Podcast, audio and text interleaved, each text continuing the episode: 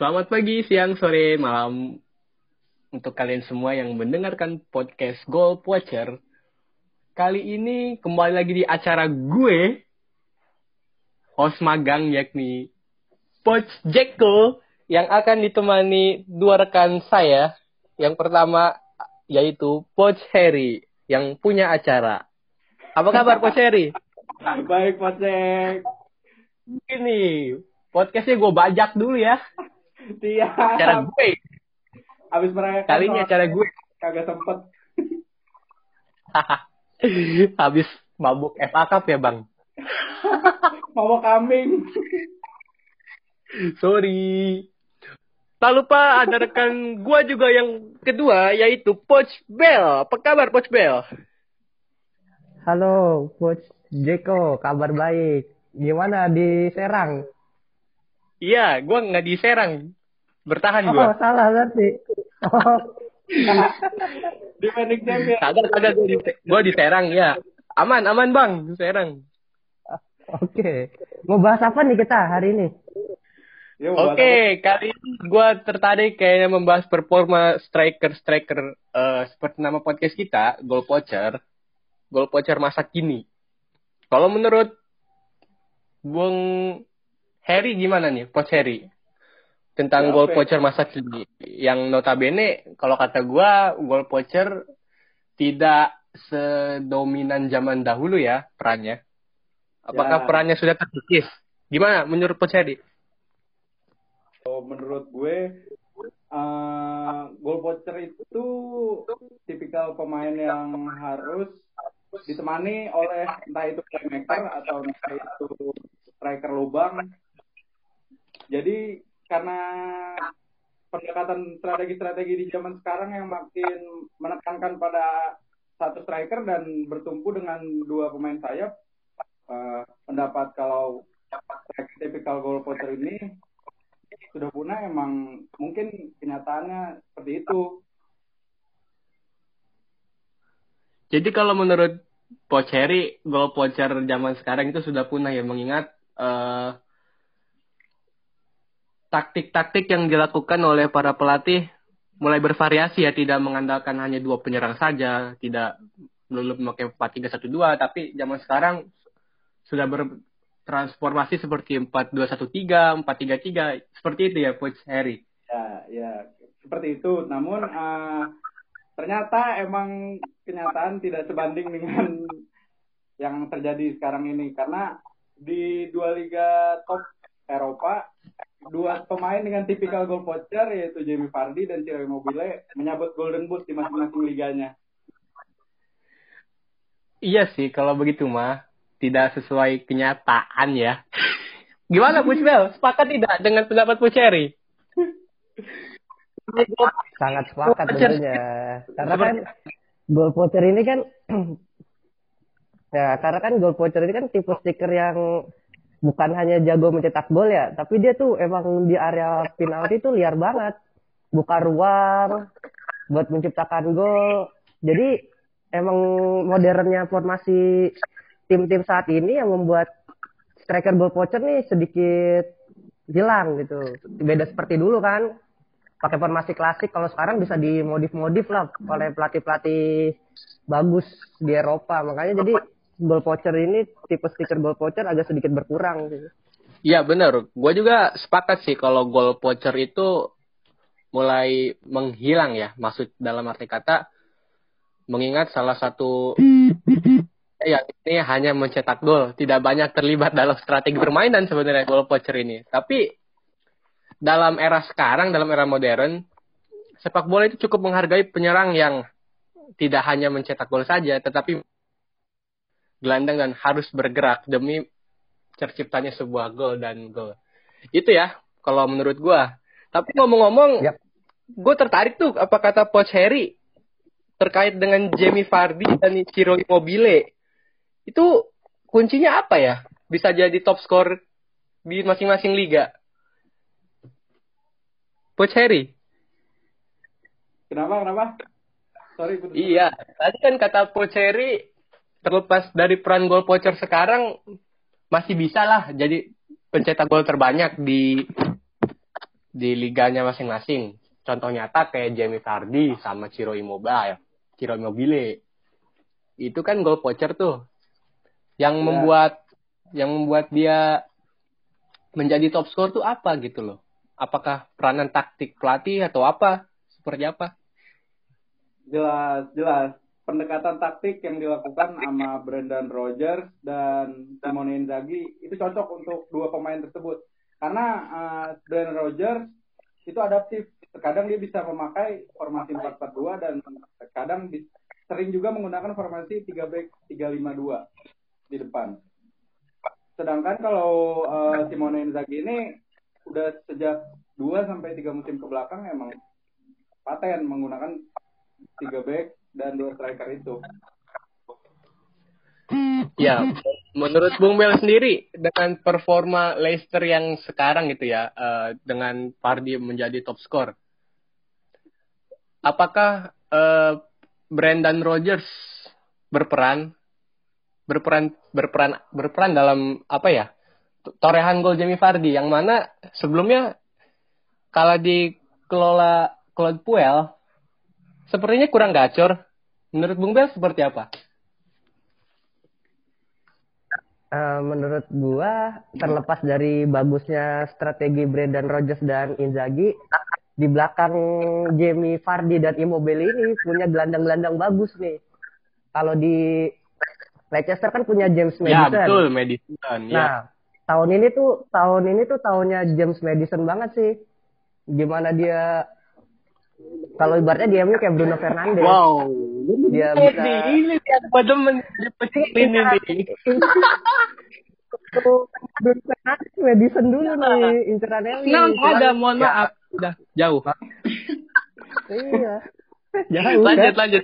Nah, iya jadi Nah, jadi Vardy sama Immobile ini didukung oleh dua pemain di belakang ini yang bagus-bagus. Kalau misalkan di Leicester ada Madison, Telemans dan Barnes ya. Barnes tuh asisnya paling banyak di Leicester. Nah, kalau di Lazio, Immobile ini didukung oleh Luis Alberto di belakangnya dengan asis terbanyak di Lazio. Itu sih terlepas dari strategi pelatih yang bagus, di belakang mereka itu emang pemain-pemain hebat. Bisa mendukung. Iyalah.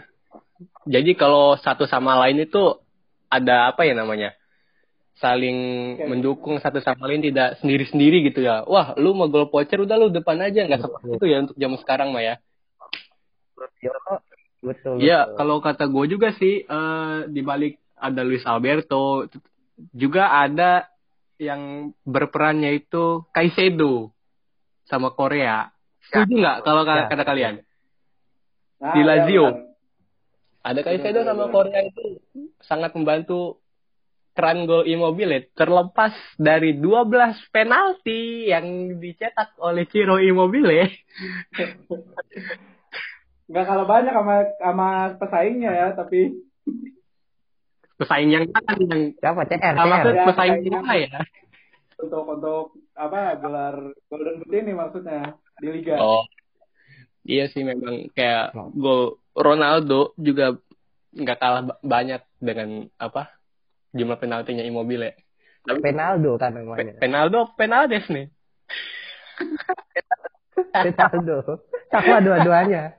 Bocah penalti. Tapi ini ini eh, apa namanya performa Ciro Immobile tuh benar-benar mengesankan banget ya. Dari 38 pertandingan selama satu musim dia mencetak gol 36 pertandingan. Berarti dia cuma absen kalau dikumulatif dua pertandingan aja dia nggak mencetak gol. Gila. Iya. Hampir setiap laga Tiap mencetak gol ya. Keren tuh. Nyetak gol gacor banget walaupun ya ada lah ya beberapa laga nggak nyetak gol tapi ketutup sama hat tricknya, brace-nya. Nah, tapi tetap iya. aja itu kayak gitu.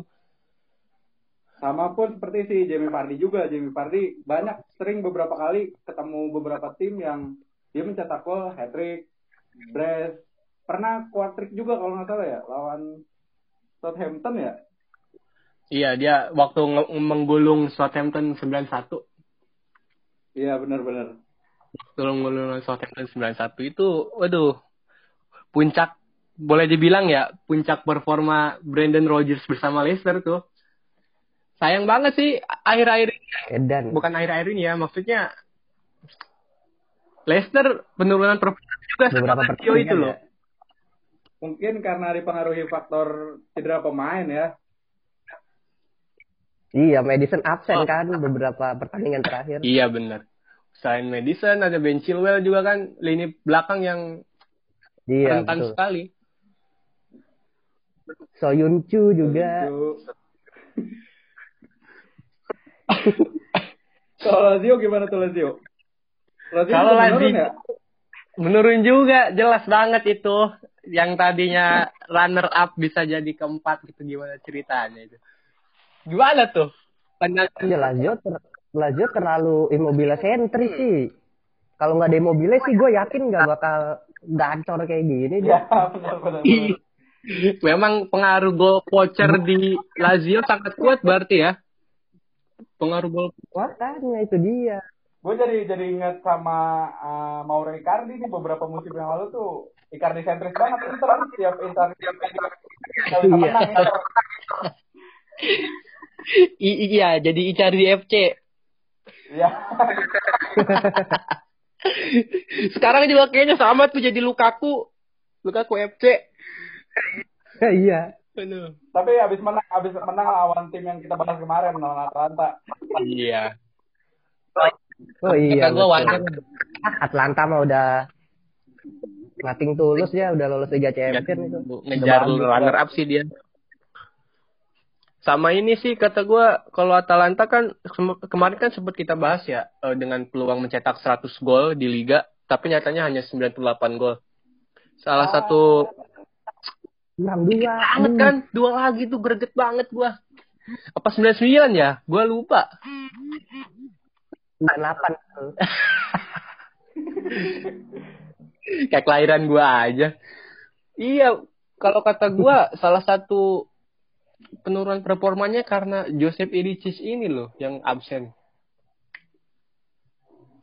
Eh ngomong-ngomong nih gue pengen pengen ngomongin gimana kalau uh, si Mobile ini bisa segacor ini padahal di beberapa musim yang lalu tuh dia benar-benar melempem selama bermain di Borussia Dortmund, Sevilla, dia melempem kan? Iya, karir dia juga kan selama beberapa awal-awal ya. Dia kan ini ya, apa?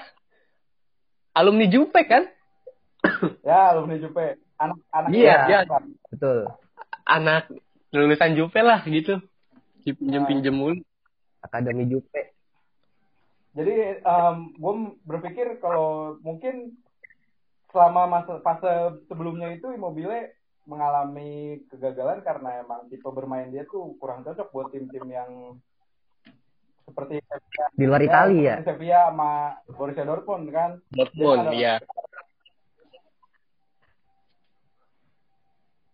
Tapi emang si Immobile ini emang gacornya sih pas main di Liga Italia doang. Ya, gitu. tau nggak? Di Pescara aja dari 37 pertandingan bisa nyetak 28 gol. Itu di Pescara. Di Torino juga di Torino.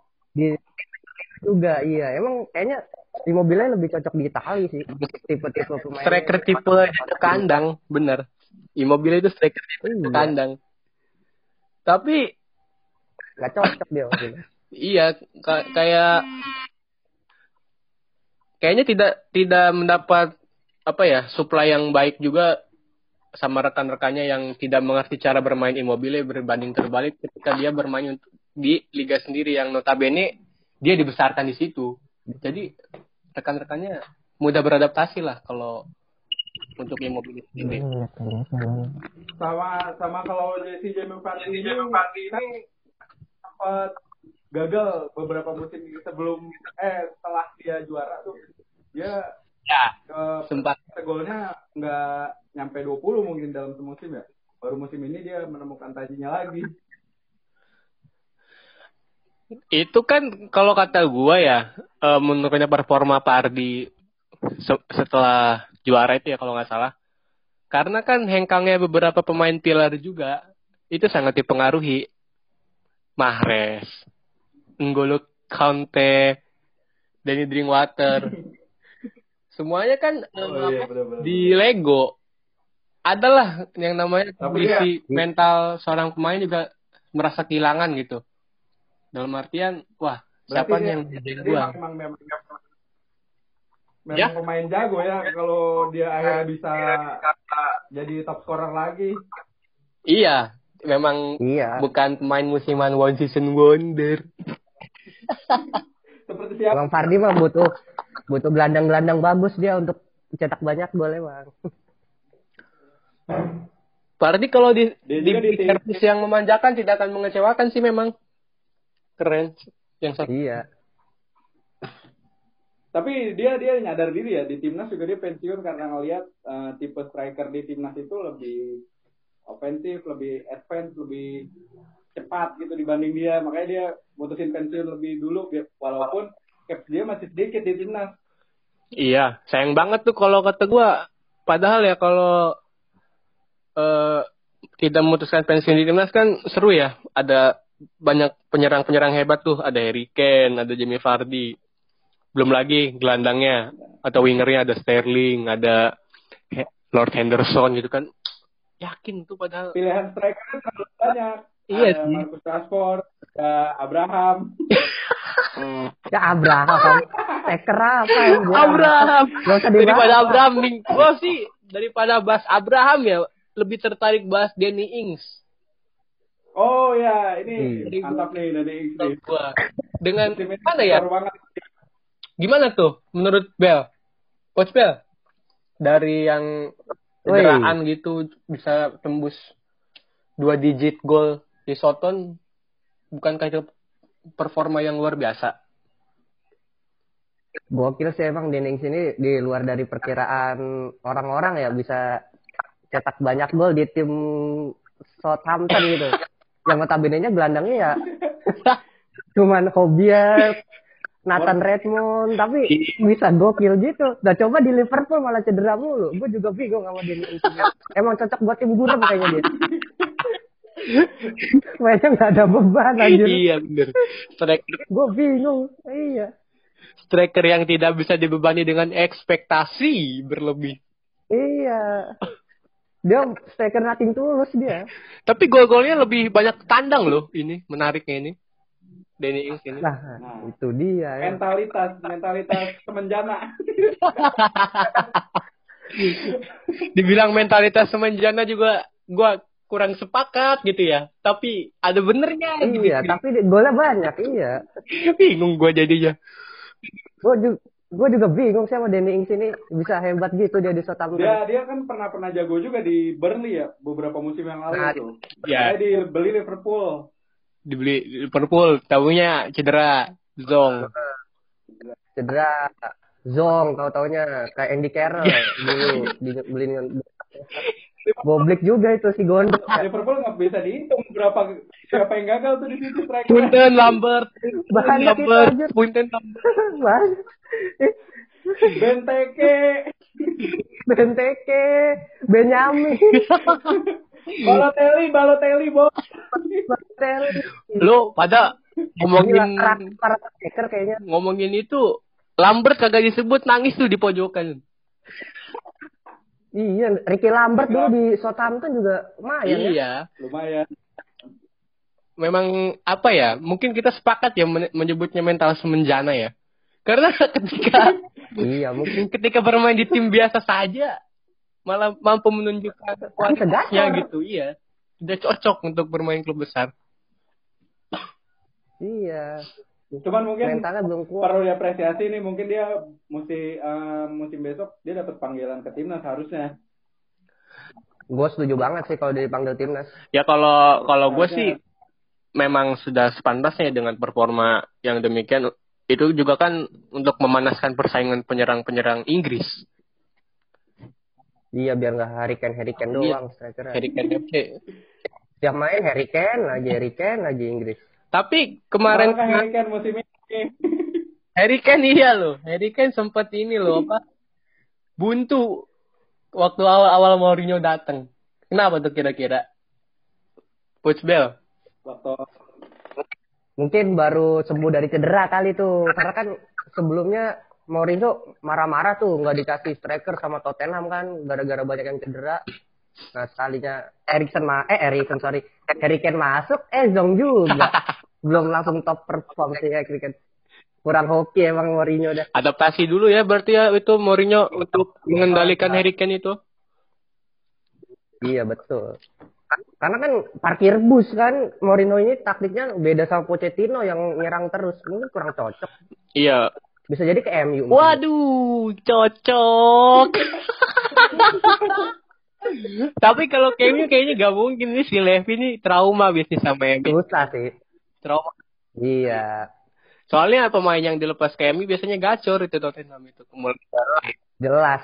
Banyak. Mikel Carey. Kecuali harga mahal. Harga mahal mungkin mau tuh si Levin melepaskan. Nah, iya dia dia nggak mau harga.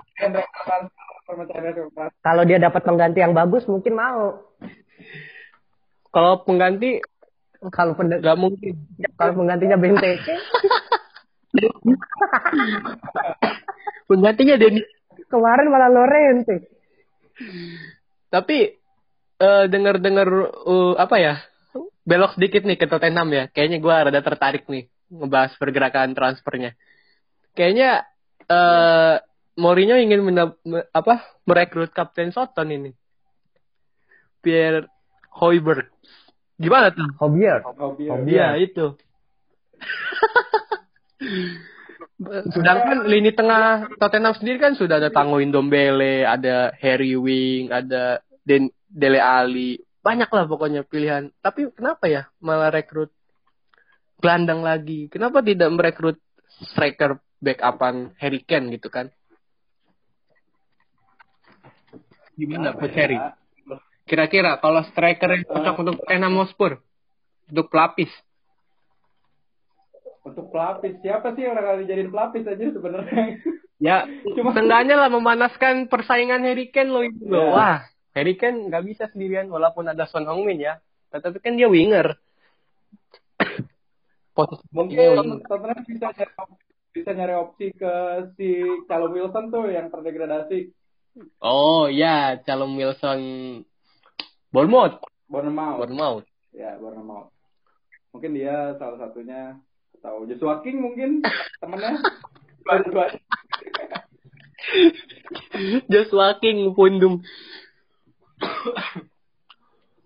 Jadi ntar di Tottenham ada ada eh, orang kerajaan baru. Ada ada Pangeran Harry, sekarang ada King. Anjay. Harry sama King ya. Bukan Prince Harry Ball Watcher ini. bukan, bukan. Bobrok. Aduh. Enggak, tapi tapi eh, belum belum kedengeran sih eh, rumor kalau Tottenham itu ngincer striker untuk pelapis Harry Kane. Soalnya emang emang setiap musim tuh Harry Kane mirip kayak Sergio Aguero dia bakal dirundung cedera beberapa momen gitu. Oh iya. Karena main terus ya kan. Iya di forsir. Tapi cedera, Iya, cedera comeback ngegolin lagi. Cedera comeback ngegolin lagi, gitu-gitu aja. Kayaknya siklusnya itu tuh. ya nightmare Tottenham apa Harry Kane tuh selalu jadi nightmare buat tim buat tim-tim besar apalagi Arsenal. Apa? Tim-tim besar? Arsenal. Apa tuh Arsenal tim besar? Apa-apaan tuh? Lewat SBMPTN masuk Liga Eropa. Gak jelas. Ya, tapi tapi tapi tapi emang, emang Harry Kane tuh selalu momok lah buat tim-tim yang bersaing di papan atas lah. Biarpun Arsenal sekarang papan bawah gitu, tapi harus momok. ya kalau itu gua sepakat sih tapi eh, apa ya menarik kayak tadi James Vardy, Harry Kane itu kan jumlah gol-golnya juga Danny Ings tapi ada satu juga yang gua sorot yaitu Pierre Emerick Aubameyang. Gimana nih? Biasanya dia ngepur, tiba-tiba top score. Ini enggak tumben. Kenapa nih Pocheri? Terlalu fokus liga mungkin. Apa? Apa? Dia kakak dia saya sorry. Enggak, Alasannya tidak dapat diterima. eh, bukan bukan bukan. Karena secara secara secara strategi si Pierre Emerick Aubameyang ini kan winger jatuhnya.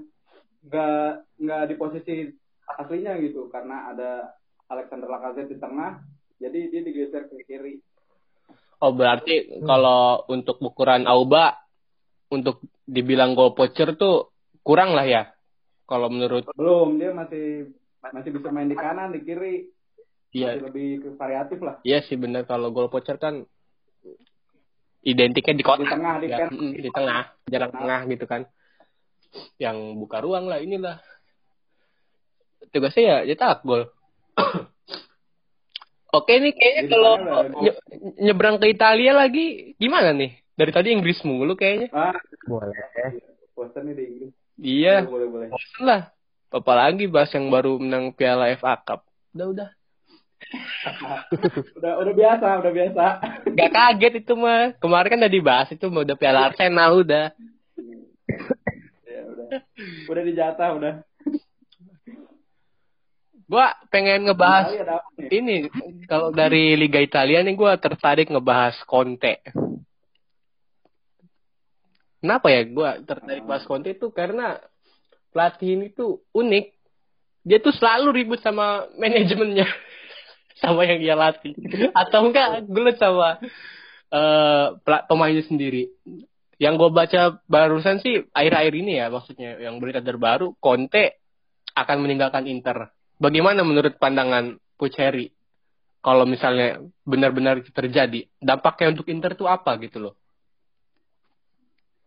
Ya, Inter sih Wah. udah langganan mecat-mecat ganti-ganti pelatih ya sebenarnya. Cuman eh, kita kan ya, ditikin ke si Conte-nya ya.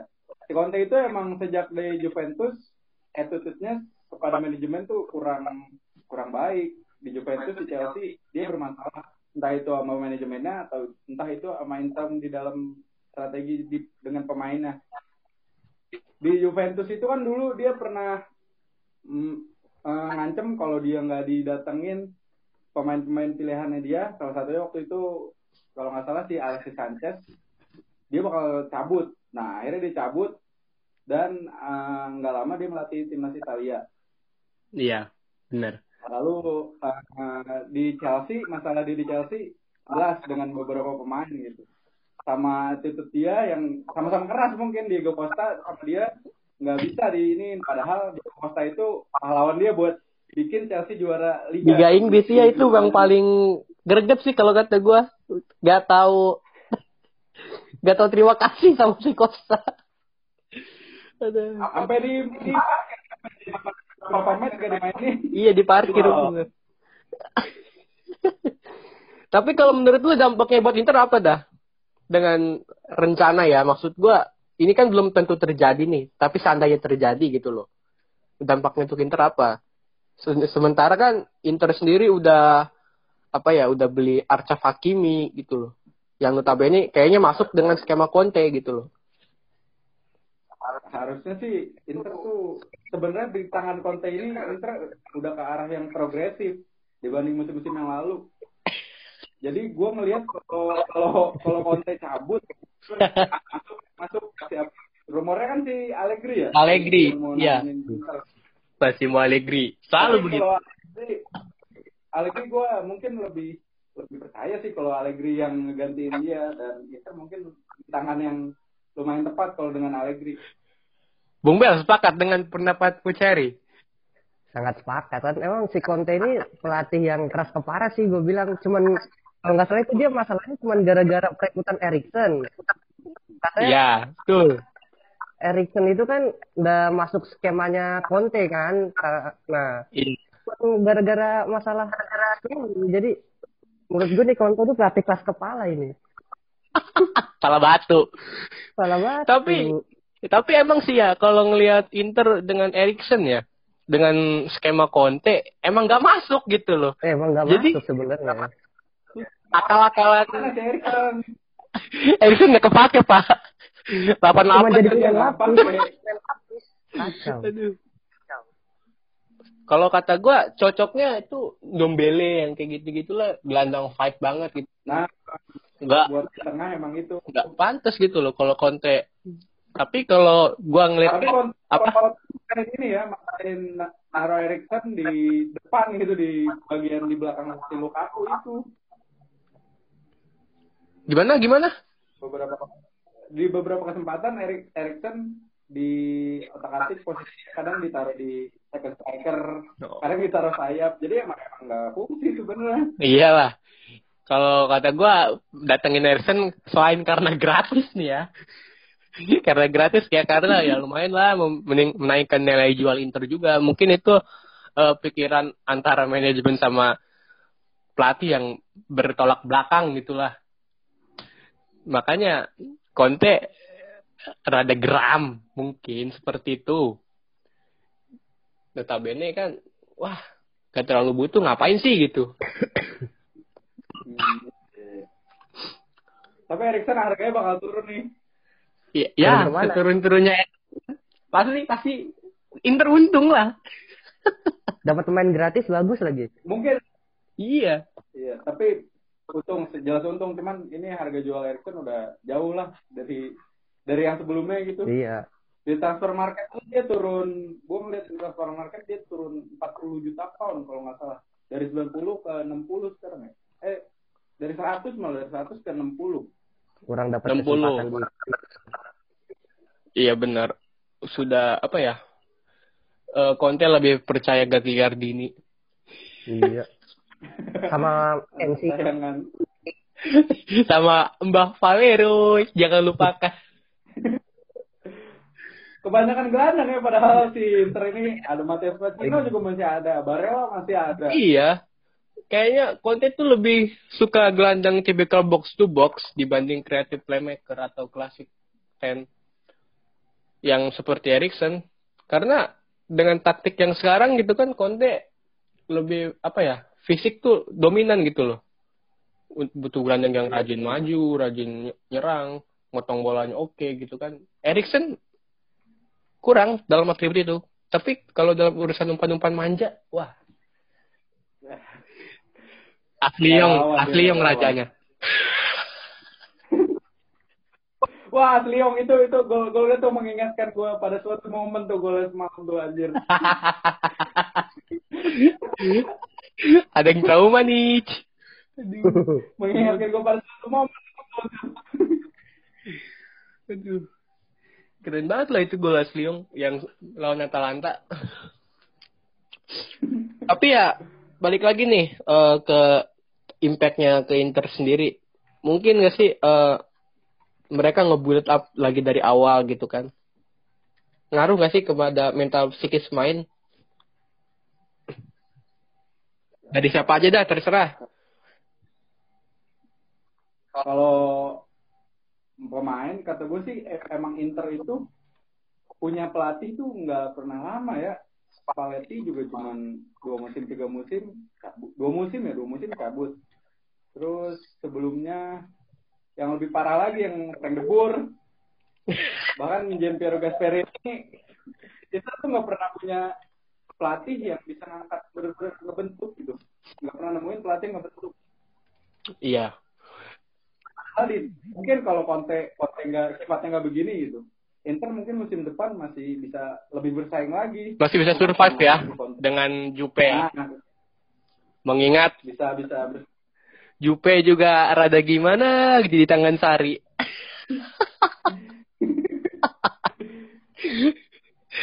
Aduh.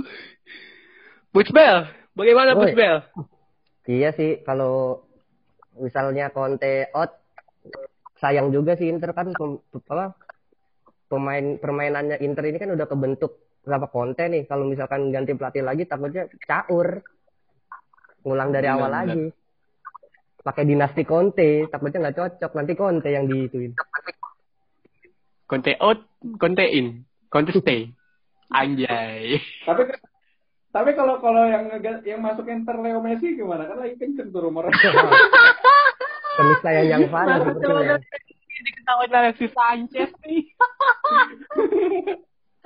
Leo Messi lagi lagi gunda kan kayaknya ada rumor datang dari media media luar kalau Messi itu pengen bersaing lagi sama Ronaldo dan tujuan timnya itu Inter. lucu aja ya Gak kalau bahas ini. Gue sih pengennya ngumpat ya, mengumpat. Kenapa ya? Eh, ya namanya rumor ya nikmati aja lah gitu ya. Cuma Masih ada dua bulan ke depan lah buat kita nikmatin itu. Mungkin kita bakal lebih banyak bahas hal-hal transfer unik-unik itu nanti ke kalau depan. Sancho itu Iya. rumor yang harus dinikmati nggak ya kalau Sancho itu gak usah dinikmati bang gitu mah. Buang aja lah. Gak deal-deal. Beda banget ya transferan eh, Manchester United sama Manchester City. Wah, kayaknya na- bahas transfer nanti saja dah di episode-episode selanjutnya. Kalau Iya. sekarang bahas Ya, lebih yang mepet. masih masih ada Liga Champion musim eh pekan ini masih ada Liga Champion bakal dihelat lagi. Arsenal ya yang Musim main ya? ini kan eh Salah. Kagak. asem lulur. Vakum dulu, vakum dulu, harus vakum dulu. Apa? Vakum dulu. Jadi penonton maksudnya sekarang jadi penonton. Kalau kalau kata vakum dulu itu jeda setahun comeback. Itu vakum dulu. Kalau kalau vakum terus tuh kayaknya vakum cleaner namanya ya, Pak.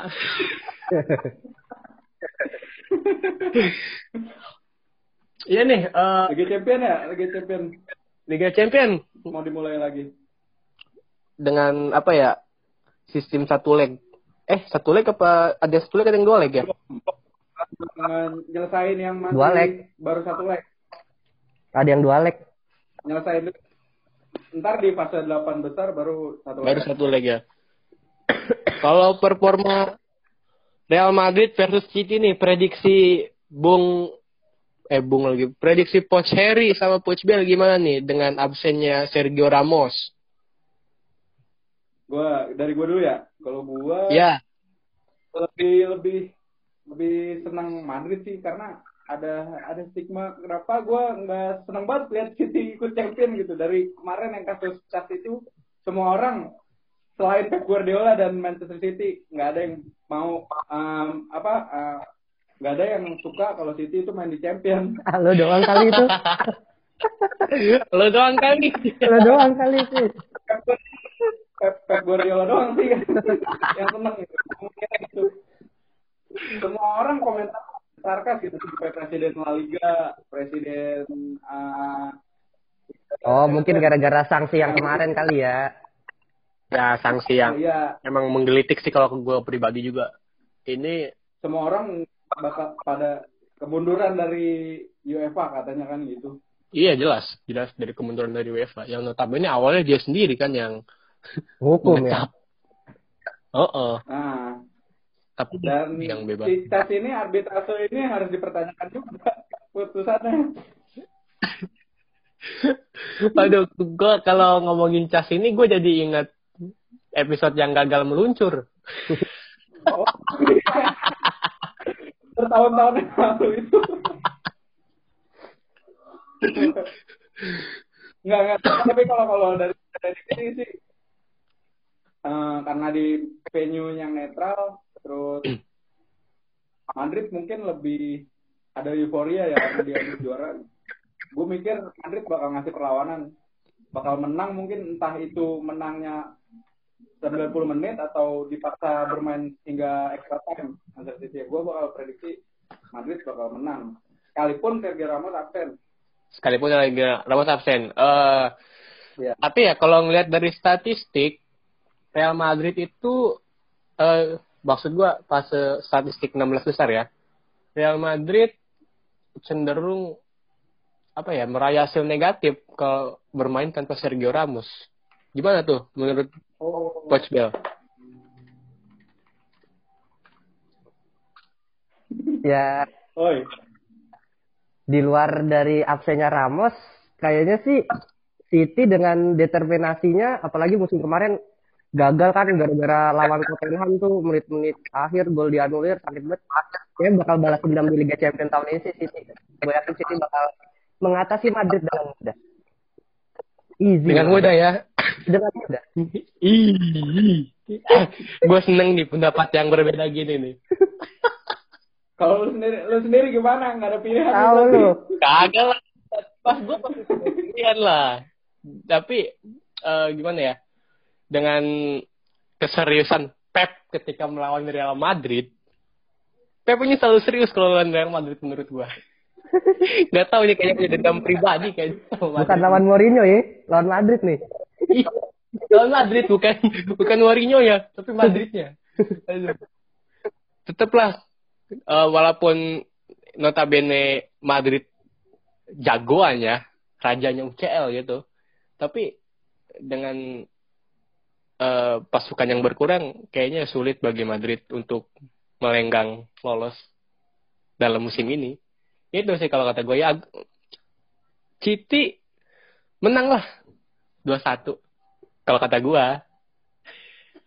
Mantap. Minoritas Iya, nih iya, Hafiz walaupun- nih.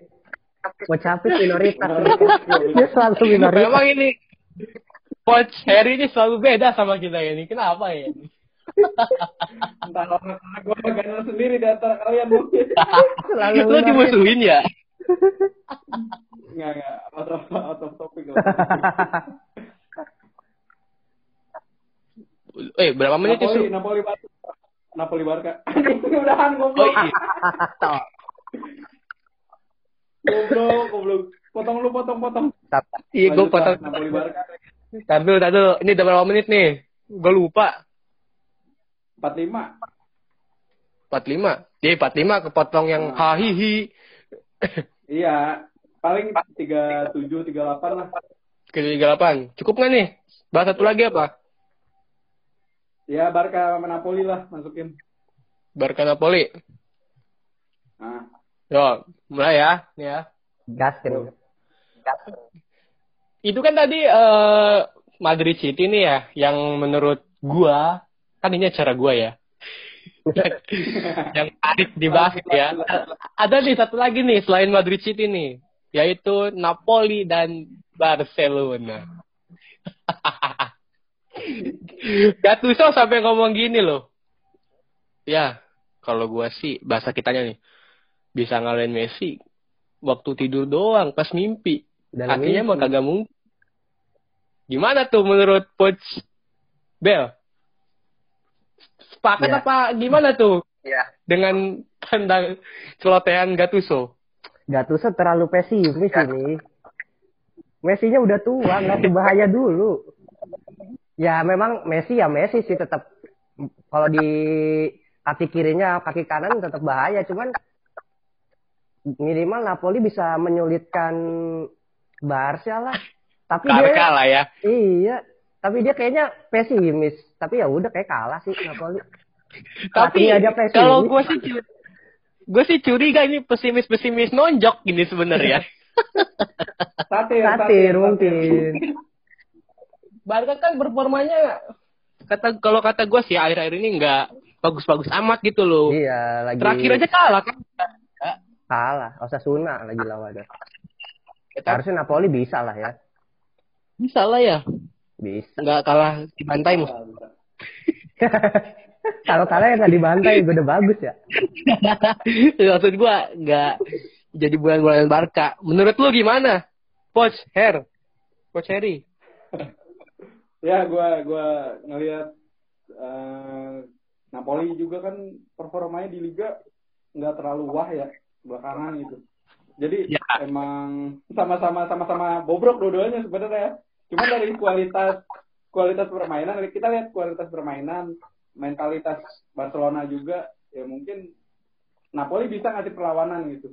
Cuman untuk survive hingga fase berikutnya dia nggak nggak bakal bisa susah peluangnya kecil gitu Berarti kali ini sepakat nih ya. eh Bel, Bung Coach Bel sama Coach Harry Barca bakal lolos nih ya.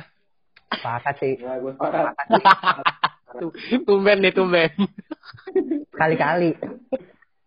Udah banyak kan kali mana kali ini aja Tapi kalau gua yang pengen lolos Napoli tetap biarpun tidak tidak diunggulkan gue yakin Napoli bakal mengejutkan Barcelona. Semoga tidak dalam mimpi aja ya itu ya. Iyalah.